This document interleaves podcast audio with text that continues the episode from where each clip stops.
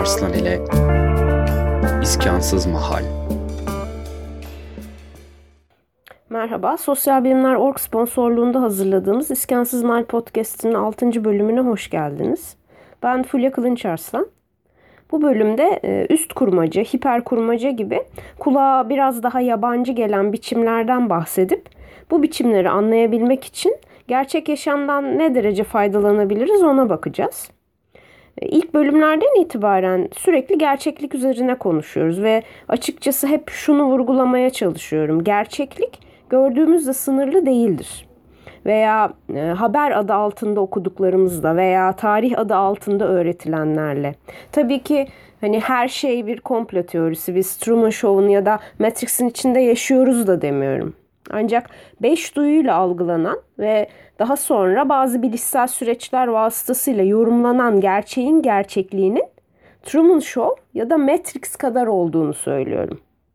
Şimdi beş duyu demişken dördüncü bölümde bahsettiğimiz sinesteziyi hatırlayın. Sinestezi bize şunu göstermişti. Çocukluğumuzdan itibaren güvenilir bir deney aracı olarak gösterilen duyu organlarının algıladığı gerçeğin gerçeklik derecesi bile aslında kesinlik içermez ve tabii ki kişiden kişiye değişir.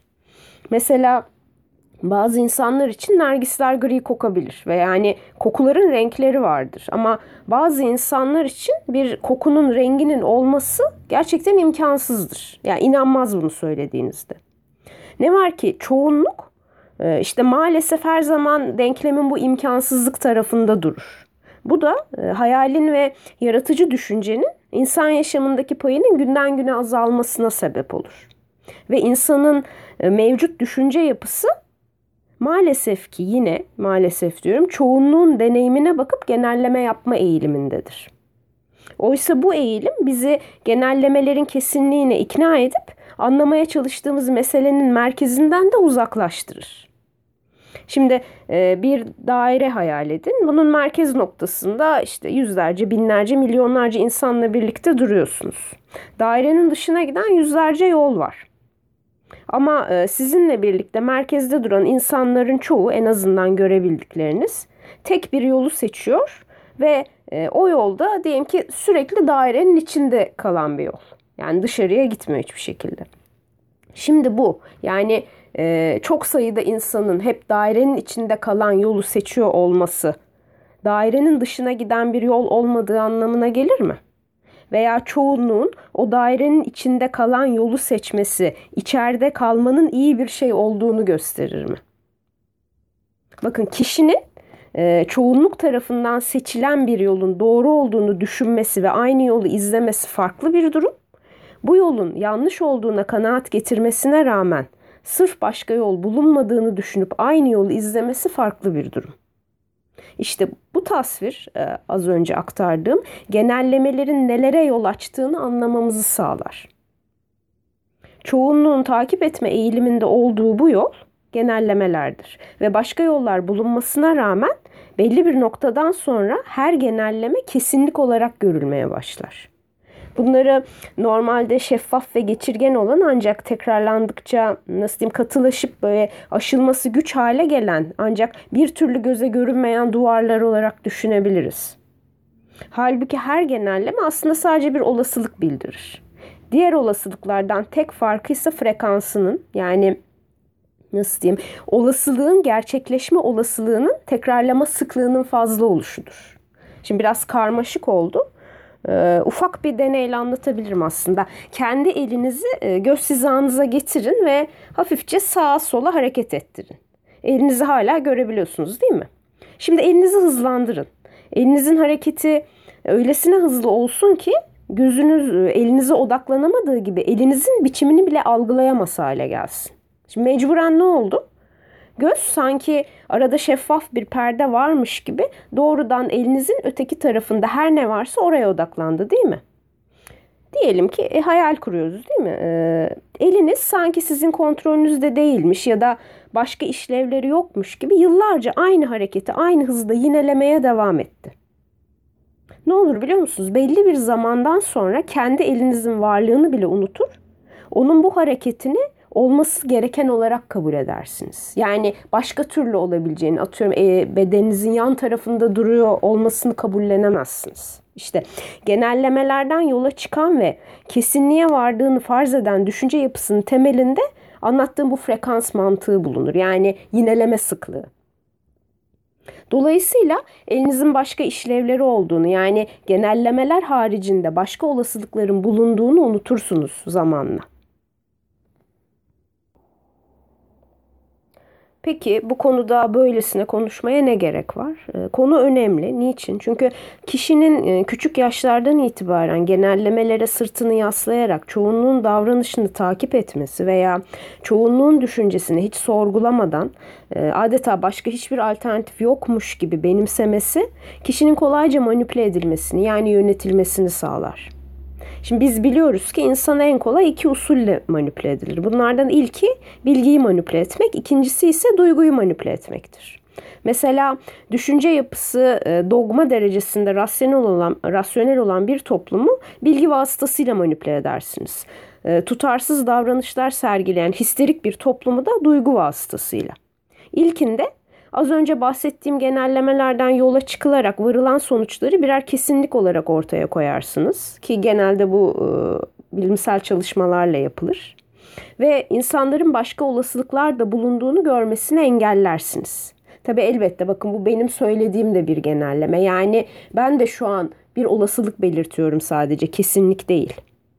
Şimdi ikincisinde ise e, bilgiyi çarpıtarak veya yanlış bilginin yayılmasını sağlayarak doğrudan toplumun kolektif hassasiyetlerini, daha doğrusu kolektif hisleri noktalarını hedef alırsınız.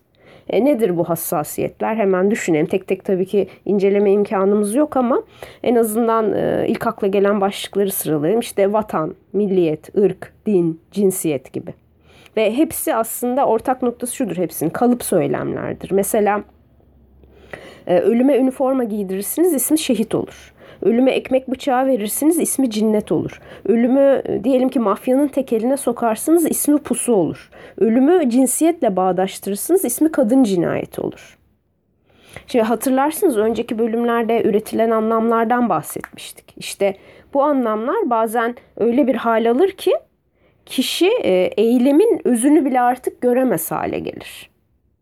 E, elbette bu durum düşünsel faaliyetlere de sirayet eder. Mesela e, geçen haftalarda rastladığım bir örneği anlatayım.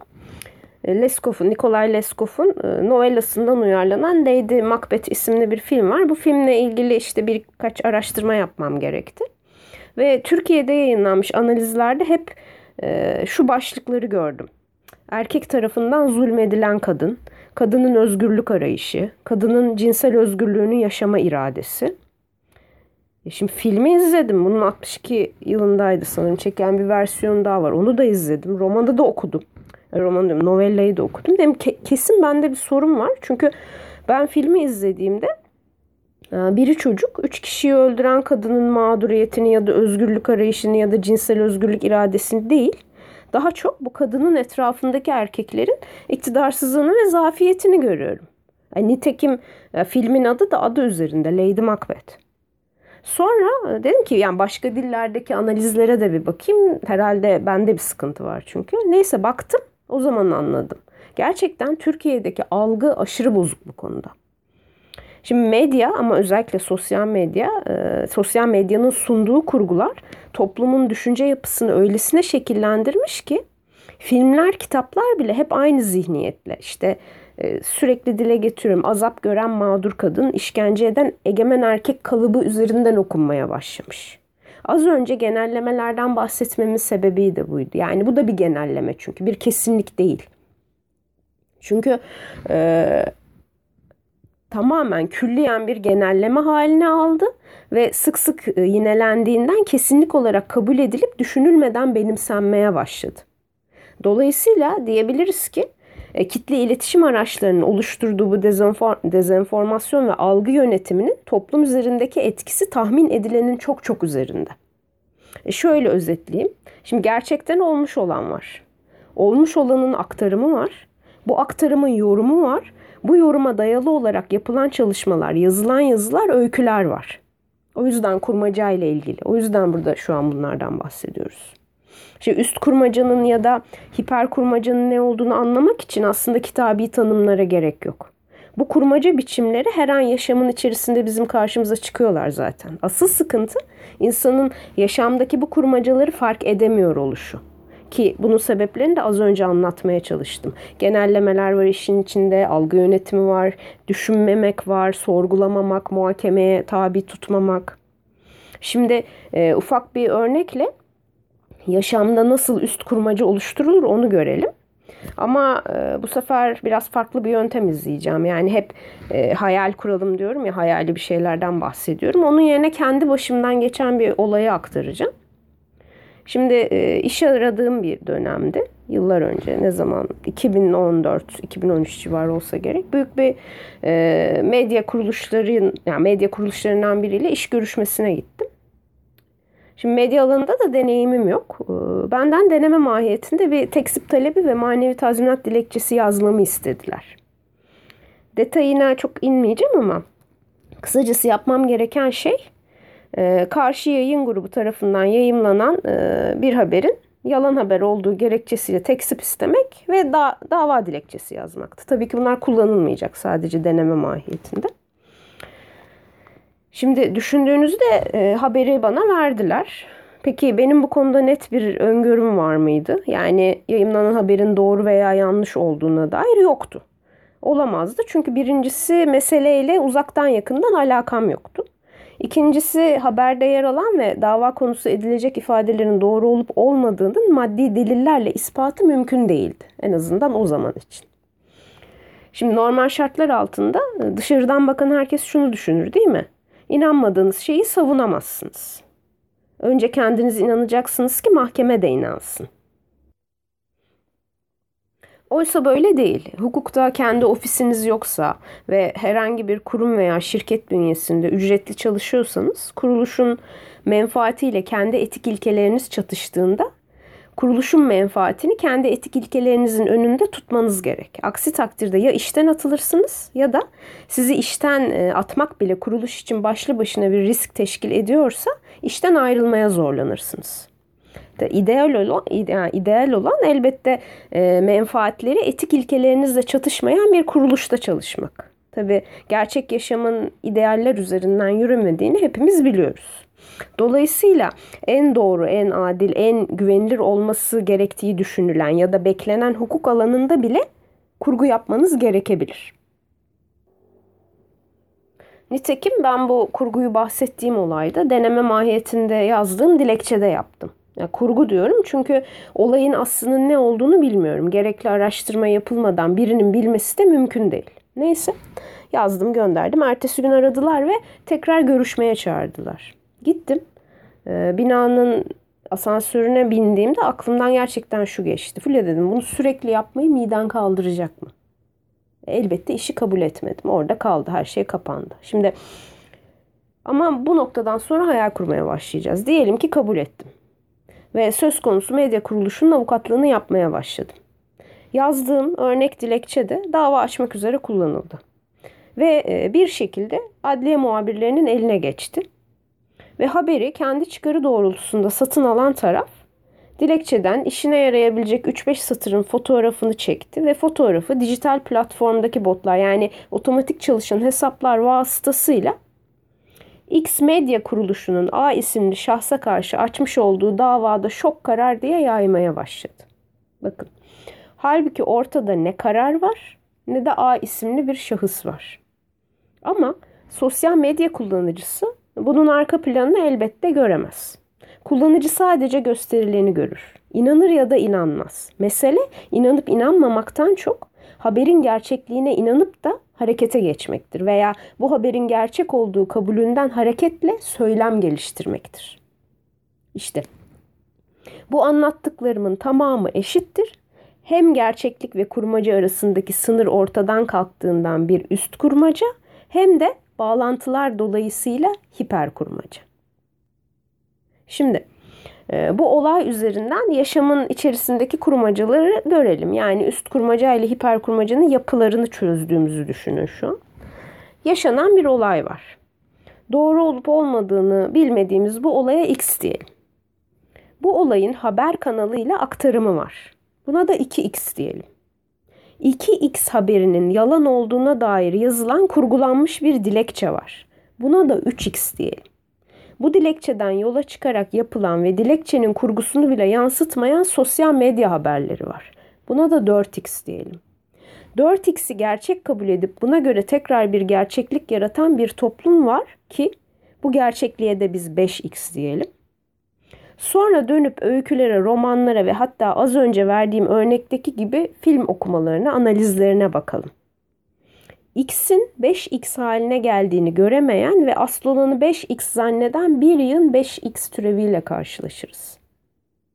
İşte 5X bir üst kurmacadır ve X'i 5X haline getiren bütün süreci kendi kapsamında tutar.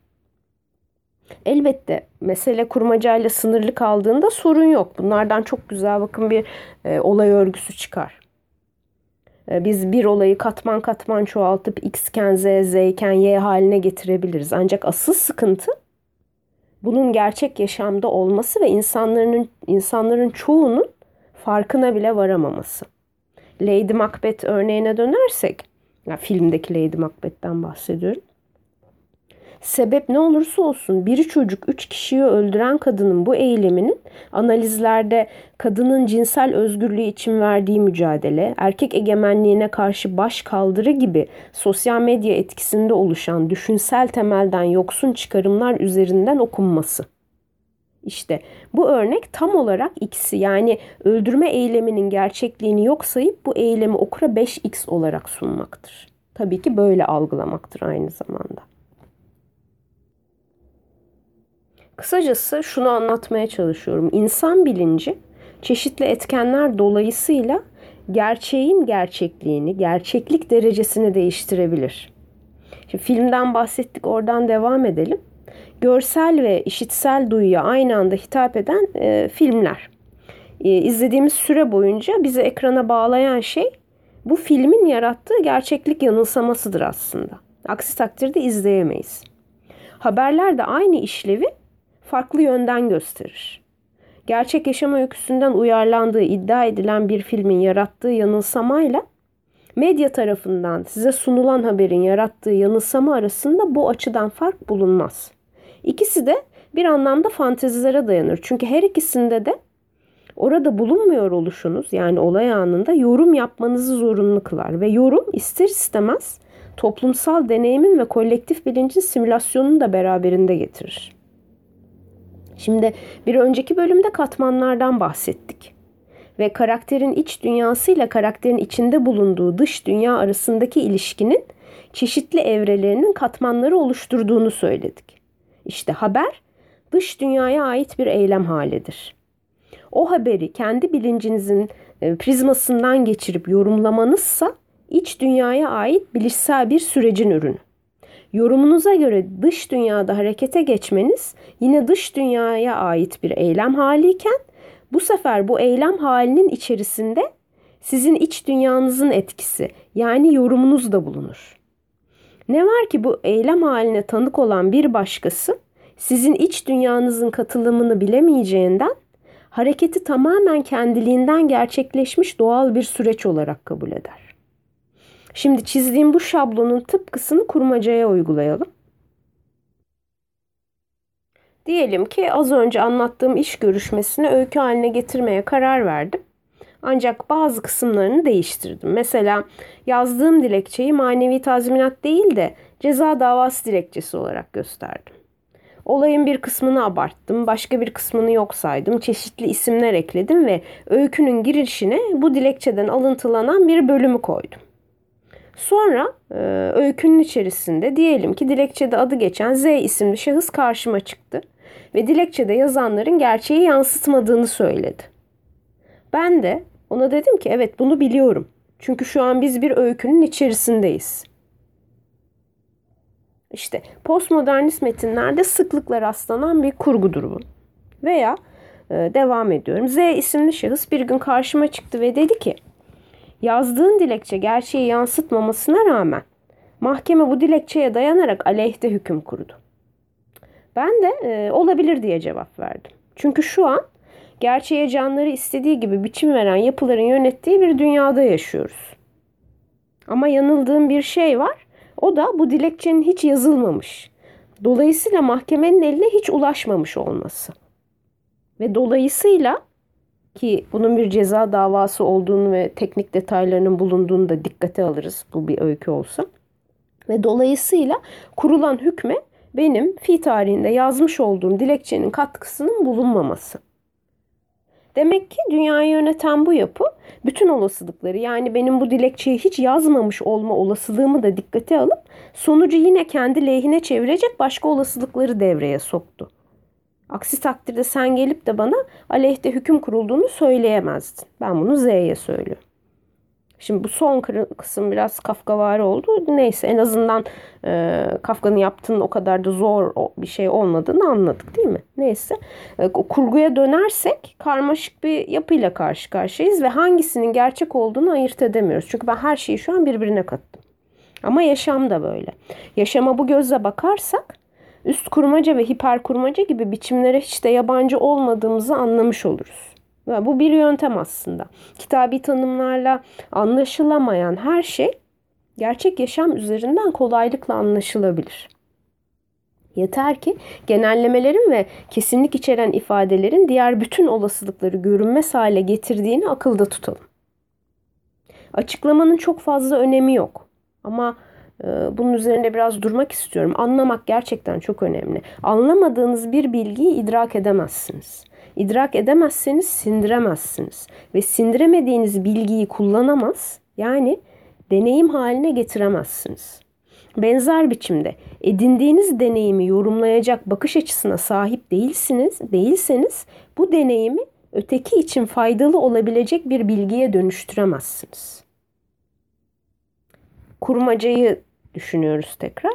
Hani hep denir ya hayatımı anlatsam roman olur. Evet, biri hayatını anlatır gerçekten kurmacı açısından nitelikli bir roman olur. Ama öteki anlatır yine kurmacı açısından baktığımızda çöp olur. Bunun sebebi e, işte buradaki sürecin noksanlığı. Önceden de bahsetmiştim. Özellikle yazmaya yeni başlayanların ilk eğilimi kendi hayatlarından yola çıkmaktır bana oldum olası tuhaf gelmiştir. Çünkü gerçekten dışarıdan en kolay görünen bu eğilim aslında en zoru. Bu soruyu önceden sorduk, düşündük, e, farklı bir açıdan cevapladık ama şimdi tekrar soralım. Kendi hayatınızdan yola çıkmak niye bu kadar zordur?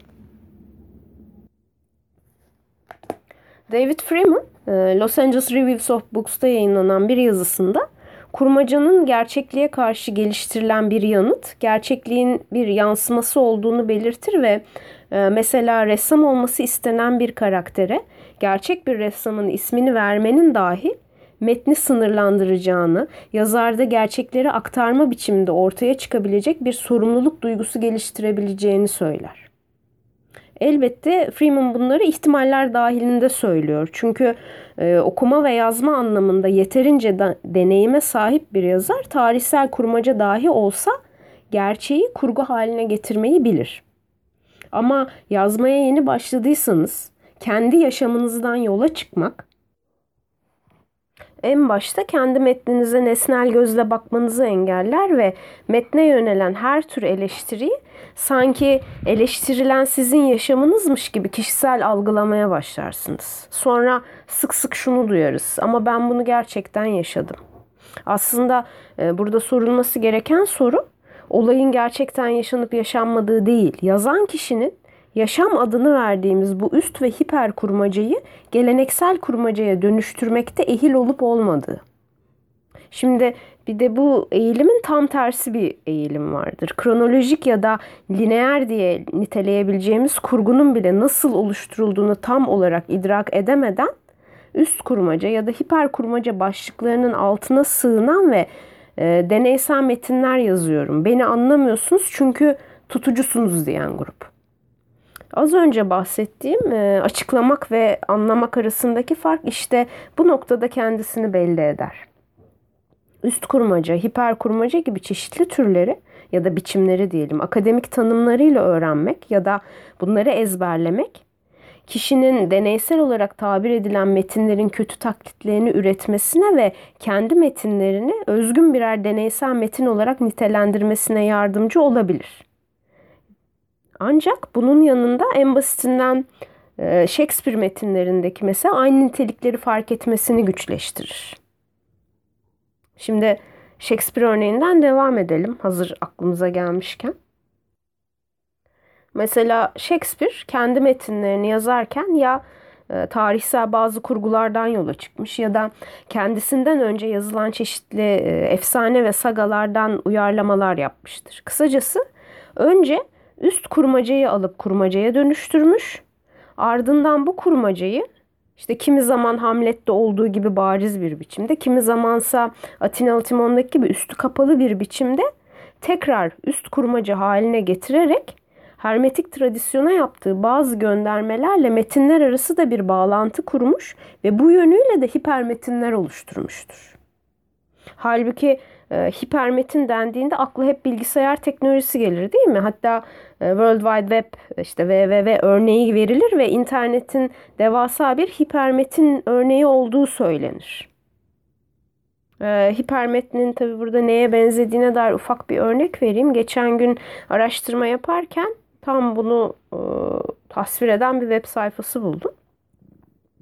Şimdi bu sayfada Thomas İncil'ini oluşturan 114 özdeyiş numaralarıyla yan yana sıralanmış ve her numara için birer bağlantı oluşturulmuş. Bu bağlantılardan her biri sizi özdeyişin orijinal dilde yazılmış haline ve çevirisine götürüyor. Ancak orijinal dildeki özdeyişi oluşturan her kelimenin altında yine çok sayıda bağlantı var. İşte bu bağlantıların sayısı kimi kelimede 4, kiminde 8, kiminde 10 hatta 12. Yine e, bu bağlantılara tıklıyorsunuz. Bunlar vasıtasıyla e, papyrüste yazılı orijinal metni görüntüleyebiliyor veya tek bir kelimenin antik dönemde Mısır Hristiyanlarınca kullanılan dilden e, diyelim ki günümüze kadar nasıl evrildiğine ilişkin dil bilimsel çalışmaları görüntüleyebiliyorsunuz. İşte bu aşırı kapsamlı bir hipertekst yani hipermetin örneği. E, kısacası deneysellikle pek de ilgisi bulunmayan bir labirent içinde labirentten bahsediyoruz. Peki biz aynısını kurmacaya uygulayıp nasıl hiper kurmaca bir metin oluştururuz? Her şeyden önce bağlantılar söz konusu değil mi? Yani elimizde bizi farklı yönlere götürecek bağlantılar olmalı. Şimdi son 20 yıl içerisinde doğal olarak teknolojik gelişmelerle birlikte dijital kurmaca adı verilen bir türden bahsedilmeye başlandı ve öyle bir izlenim yaratıldı ki sanki bu hipermetin ancak dijital ortamda deneyimlenen bir şey. Bakalım gerçekten öyle mi görelim. Ee, ben de şu an düşünüyorum. Ee, kendi deneyimimden yola çıkarak şunu söyleyebilirim. İlk hiper kurmacayı 8 yaşında gördüm ne zaman oluyor? 1989 yılında. Yani geçtim evde bilgisayar bulunmasını. İşte tüplü televizyonların olduğu ve TRT'nin bu tüplü televizyonlara hakim olduğu bir dönem. O zamanlar e, İzmir'de yaşıyordum. Annem ilkokuldayken beni Alsancak'ta sahaflara götürürdü. Ve bu sahaflardan birinde gerçekten çok ilginç kitaplar bulduğumu hatırlıyorum. Şu an ismin net değil aklımda ama e, bir macera serisi vardı. İşte sayfaları sayfalarda ilerlerken sayfa altlarında belli noktalarda karşınıza diyelim ki karakterin ismi A olsun. E, A'nın sağdaki yoldan gitmesini istiyorsan 80. sayfaya git. Soldaki yoldan gitmesini istiyorsan 65. sayfaya git gibi seçenekler bulunurdu sayfa altlarında. Kısacası interaktif bir kitaptan bahsediyorum. Yıl 1989. Metin içerisindeki kurgu e, sizin tercihinize göre değişirdi ve sizi 4 ya da 5 e, farklı sona götürürdü. Şimdi o zamanlar bu kitap serisi o kadar çok hoşuma gitmişti ki 4 ya da 5 ayda sanırım serinin tamamını 2 veya 3 kez okumuşumdur. Sonra tabii bitti ve bütün sonları hani neredeyse ezberledim ama kitapların da çekiciliği kayboldu. Bundan şikayet ettiğimde annem ansiklopedileri göstermişti ve aynı yöntemle ansiklopedi okuyabileceğimi söylemişti.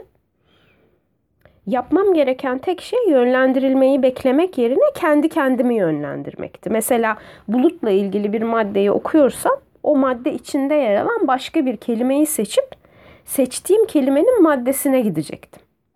buluttan gökyüzüne, gökyüzünden yağmura, yağmurdan sellere, sellerden diyelim kayda değer sel felaketlerine, oradan sel felaketleriyle ilgili yazılmış bir kitaba ulaşmak gibi.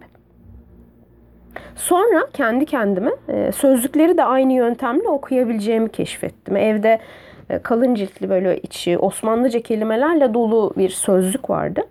E, yıllarca aynı yöntemle okuya okuya elimden düşmedi bu sözlük. İşte bu yöntem sayesinde okuduklarım arasında bağlantı kurmayı ve sonrasında da bu bağlantıları kullanmayı öğrendim. Yani beynin bu bağlantıları kuran kısmı sürekli aktif kalmış oldu. Şimdi bütün bunlar ne demek? Yani ben bunları neden anlattım? Hiper kurmaca, hipermetin, üst kurmaca gibi kimi biçimler yeni icat edilmiş değildir. Ansiklopedi ve sözlük gibi bakın oldukça bilinen metinlerden bahsediyorum. Dolayısıyla bu gibi yapıları deneysel oldukları gerekçesiyle yeni kabul edip yüceltmeye de hiçbir anlam ifade etmedikleri gerekçesiyle yermeye de lüzum yok. Ya bunlar her zaman vardı. Ansiklopedi ve sözlükler bir yana e, az önce söylediğim gibi en klasik sayılan Shakespeare metinleri yeni sayılan bütün bu kurmaca niteliklerini kendi içlerinde barındırırlar. Sadece e, Shakespeare'le sınırlı değil elbet. Yedinci yani gelecek bölümde bu yönlerden inceleyeceğimiz işte sırasıyla Nabokov var, Kortazar, Milorad Paviç var, Solgun Ateş, Seksek ve Hazar Sözlüğü. Hatta e, Solgun Ateş Nabokov'un e, ilk yayınlandığında öyle tuhaf bulunmuştur ki eleştirmenler tarafından metnin e, işte anlaşılmaz, saçmalıklarla dolu, abartılı, zorlama ve ukalacı olduğu söylenmiştir. Ama aynı metin şu an yere göğe sığdırılamıyor. Neden? Çünkü işte hiper kurmacı örneği, üst kurmacı örneği gibi vasıfları var diye. Her zaman söylerim hayran olup yüceltmekle nefret duyup linç etmek arasında pek fark bulunmaz. Birbirinden davranış biçimi açısından pek farkı olmayan aşırı uçlardır bunlar. Oysa biraz e, sadeleşip bakmak lazım. Diyelim ki elimizde bir küp var ve e, bu küpün altı yüzü de farklı renge boyanmış. İnsanların çoğu bu küpün sadece iki yüzünü görebiliyor ve küpü tasvir etmesi istendiğinde ancak iki renkten bahsedebiliyor. Öteki yüzler ve öteki açılar bu insanlar için birer bilinmez. Ve e, bu küpün altı yüzünü de görebilen pek az insan var. Ve bu insanlar küpü altı renkle birden tasvir ettiklerinde işte küpün iki yüzünü görenler ya bu insanlara hayran oluyorlar ya da nefret gibi aşırı uç duygular geliştirmeye başlıyorlar. Ya oysa alt tarafı bir küpten bahsediyoruz. Boyalarını döktüğünüzde her yüzü birbirinin tıpkısı olacak bir küpten. Bir küpün altı renkle tasvir edilmesi sırf siz onu algılayamıyorsunuz diye abartılı zorlama ve saçma olmadığı gibi bir küpün iki renkle tasvir edilmesi de sırf siz altı rengi birden algılıyorsunuz diye geleneksel sıkıcı veya tutucu değildir. Küp küptür bu kadar. Maharet insanları e, nasıl diyeyim o küpün bir diyelim ki küre olduğuna inandırmakta yatar. Ve haberler söz konusu olduğunda o küpün bir küp değil de bir küre olduğuna kolayca inananlar iş kurmacaya geldi mi bir küpü küre haline getiremezler. Bilmiyorum anlatabildim mi? Yedinci bölümde çok daha detaylı konuşacağımız için şimdilik kısa kısa değinmekle yetineceğim ancak işte e, Nabokov'da e, sol e, Nabokov da solgun ateşte böyle nasıl diyeyim gökten zembille bir küre indirip de abartmamış ya da saçmalamamış. Aksine e, Amerikan kültürüyle e, Kelt, Slav, Cermen ve Anglo-Sakson kültürü arasında bağlantılar kurmuştur. Ne var ki e, kurulan bu bağlantıların öyle göklere sığdırılamayacak bir yanı da yok. Çok daha hacimlisini ve karmaşığını Joyce Finnegan Wake'de yapmıştır zaten. Peki e, neden Nabokov sanki böyle muhteşem bir şey yapmış gibi bahsedilir bunlardan? Şimdi günümüzün sadelik adı altında adeta birer ergen günlüğüne dönüşen metinlerini kalkıp da Joyce'un ya da Nabokov'un metinleriyle karşılaştıracak değilim. Ancak her geçen gün biraz daha altyapı yoksunu haline gelen bu metinler yüzünden e, görüp görebildiği anca Cinali kurgusu olan okur. İşte Joyce, Cortázar, Beckett, Kozinski, Nabokov gibi kimi yazarların metinleriyle karşılaştığında bu gibi yorumlar ortaya çıkar. Çok doğaldır. Ama tabii iki olasılık var. Ya bu metinler aşırı anlaşılmaz bulunup bir kenara atılır ya da dediğim gibi bunlara hayran olunur ve bunların hepsi yerlere göklere sığdırılamaz. Oysa az önce de söyledim. Bir küp sadece küptür. Ve maharet bir küpün nasıl olup da küreye dönüşebileceğini aktarıp okuru bu dönüşüme ikna etmekte yatar. Küpün küre olduğuna körü körüne inanıp da Cineli bir gün küpün küreye dönüştüğünü gördü diye yazmak maharet değildir. Ee, bir iki burada alıntı okuyacağım. Çok hoş bir kitap. Haruki Murakami'nin e, Ali Volkan Erdemir'in çevirisiyle yayımlanan Mesleğim Yazarlık isimli bir kitabı var. Bakın burada bir bulayım. Heh. Murakami ne diyor? Bir dönem eşsiz bir tarza sahip bir kişi, sanatçı, yazar birden ortaya çıkıp yoğun ilgi çekti diyelim. Bir anda ortadan kaybolmuşsa ya da artık kendisinden bıkılmışsa onun için özgün demek çok zordur. Çoğu durumda da bu sadece tek atımlık bir şey olur. Gerçekte de bugüne dek çeşitli alanlarda böyle çok insan gördüm. Çıktığı zaman yeni ve güncel bulup ona hayran da oldum. Ama bir baktım ki göz açıp kapayıncaya dek ortadan kayboluvermiş. Çok hoş değil mi? Şimdi bir de yine aynı kitapta yer alan ancak bu sefer Oliver Sacks'a ait olan bir alıntı okuyacağım. Yaratıcılığın genel kabul gören tanımında becerinin yalnızca ne olduğu değil, kimde olduğu da önemlidir. Güçlü kişisel karakteristikler, güçlü bir kimlik, kişisel duyarlılık, kişisel üslup becerileriyle birleşir, ona kişisel bir bütünlük ve biçim verir. Bu anlamda yaratıcılık, özgünlük, var olan görme biçimlerinden farklı bakabilme, hayal dünyasında rahatça dolaşma, zihinde dünyayı yeniden ve yeniden yaratma ve bütün bunları eleştirel bir içgörüyle denetleme yeteneğini gerektirir. İşte ilk bölümden itibaren belki de anlatmaya çalıştığım her şey Murakami'nin kitabından alıntıladığım bu iki parçada var. Şimdi bugünlük e, bölümümüzü bitiriyoruz. E, Sosyal Bilimler Org sponsorluğunda hazırladığımız İskensiz Mal podcast'imin podcast'imizin 6. bölümünün sonu oluyor bu. Dinlediğiniz için çok teşekkür ederim. Podcast serisiyle ilgili detaylara iskensizmal.com adresinden ulaşabilir. Sosyal medyada bizi takip etmek isterseniz aynı isimli hesaplarımızdan bize ulaşabilirsiniz.